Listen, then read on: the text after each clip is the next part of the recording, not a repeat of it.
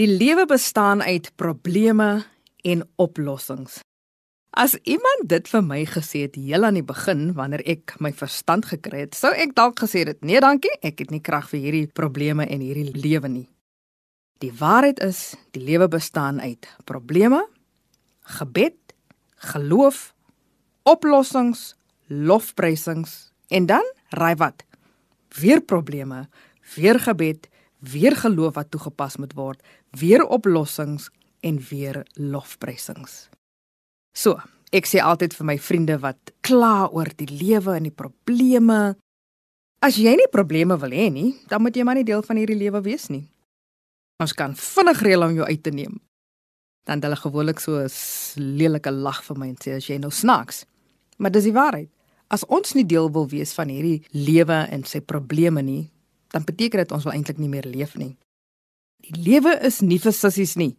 So het 'n vriendin altyd gesê. 'n Ander tannie het altyd gesê: "My kind, die lewe wil gelewe word." Dalk gaan daar vandag 'n paar probleme in jou dag wees. En dan, met elke probleem is daar 'n oplossing. En 100% van die oplossing is reg voor jou. En Christus is die een wat die deur of die oogklappe of die wysheid vir jou gee om daai probleem te kan aanspreek, die probleem goed te kan hanteer en die oplossing daarvoor te kry. En sodra dit gebeur, wat moet jy doen? Die Here loof en prys vir dit. Want sodra jy dit klaar gemaak het, is jy mos nou reg vir die volgende probleem en jy raak al hoe sterker in jou geloof en later begin jy vir ander mense raad te gee oor hoe om hulle probleme op te los.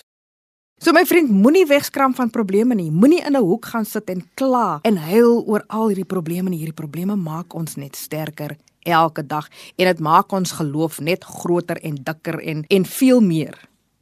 Ek sê groter en dikker want dit is hoe ek dit's my beeld van hoe geloof moet wees. Groot, diep pas dit toe vandag in jou lewe. Here, ek sê vir u baie dankie vir die probleme en dankie dat u die oplossing het van elke probleem op hierdie aarde. Amen.